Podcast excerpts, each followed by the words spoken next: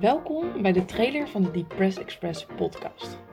Ik ben jullie host Nick Brouwer en ik zal maar gelijk met de deur naar huis vallen. Mijn podcast gaat over depressie.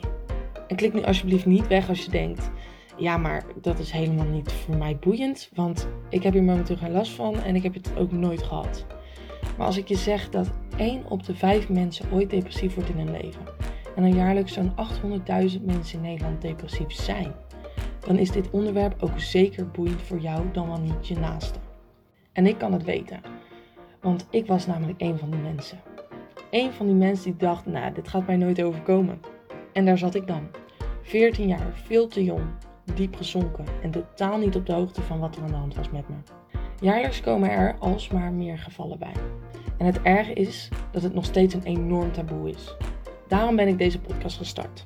We moeten van dit taboe afkomen en dat kan alleen als we het onderwerp op een luchtige manier bespreekbaar maken. Samen. In de podcast stellen ik en mijn gastsprekers ons kwetsbaar op door onze eigen persoonlijke verhalen met elkaar en met jou te delen. Zo geven wij je meer informatie, tips, troost, gesprekstof en bieden wij je een exclusief kijkje in de wereld van depressie. Ben jij geboeid en wil je meer weten?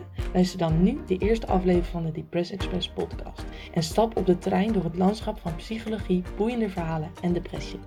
Want dit is de Depress Express podcast.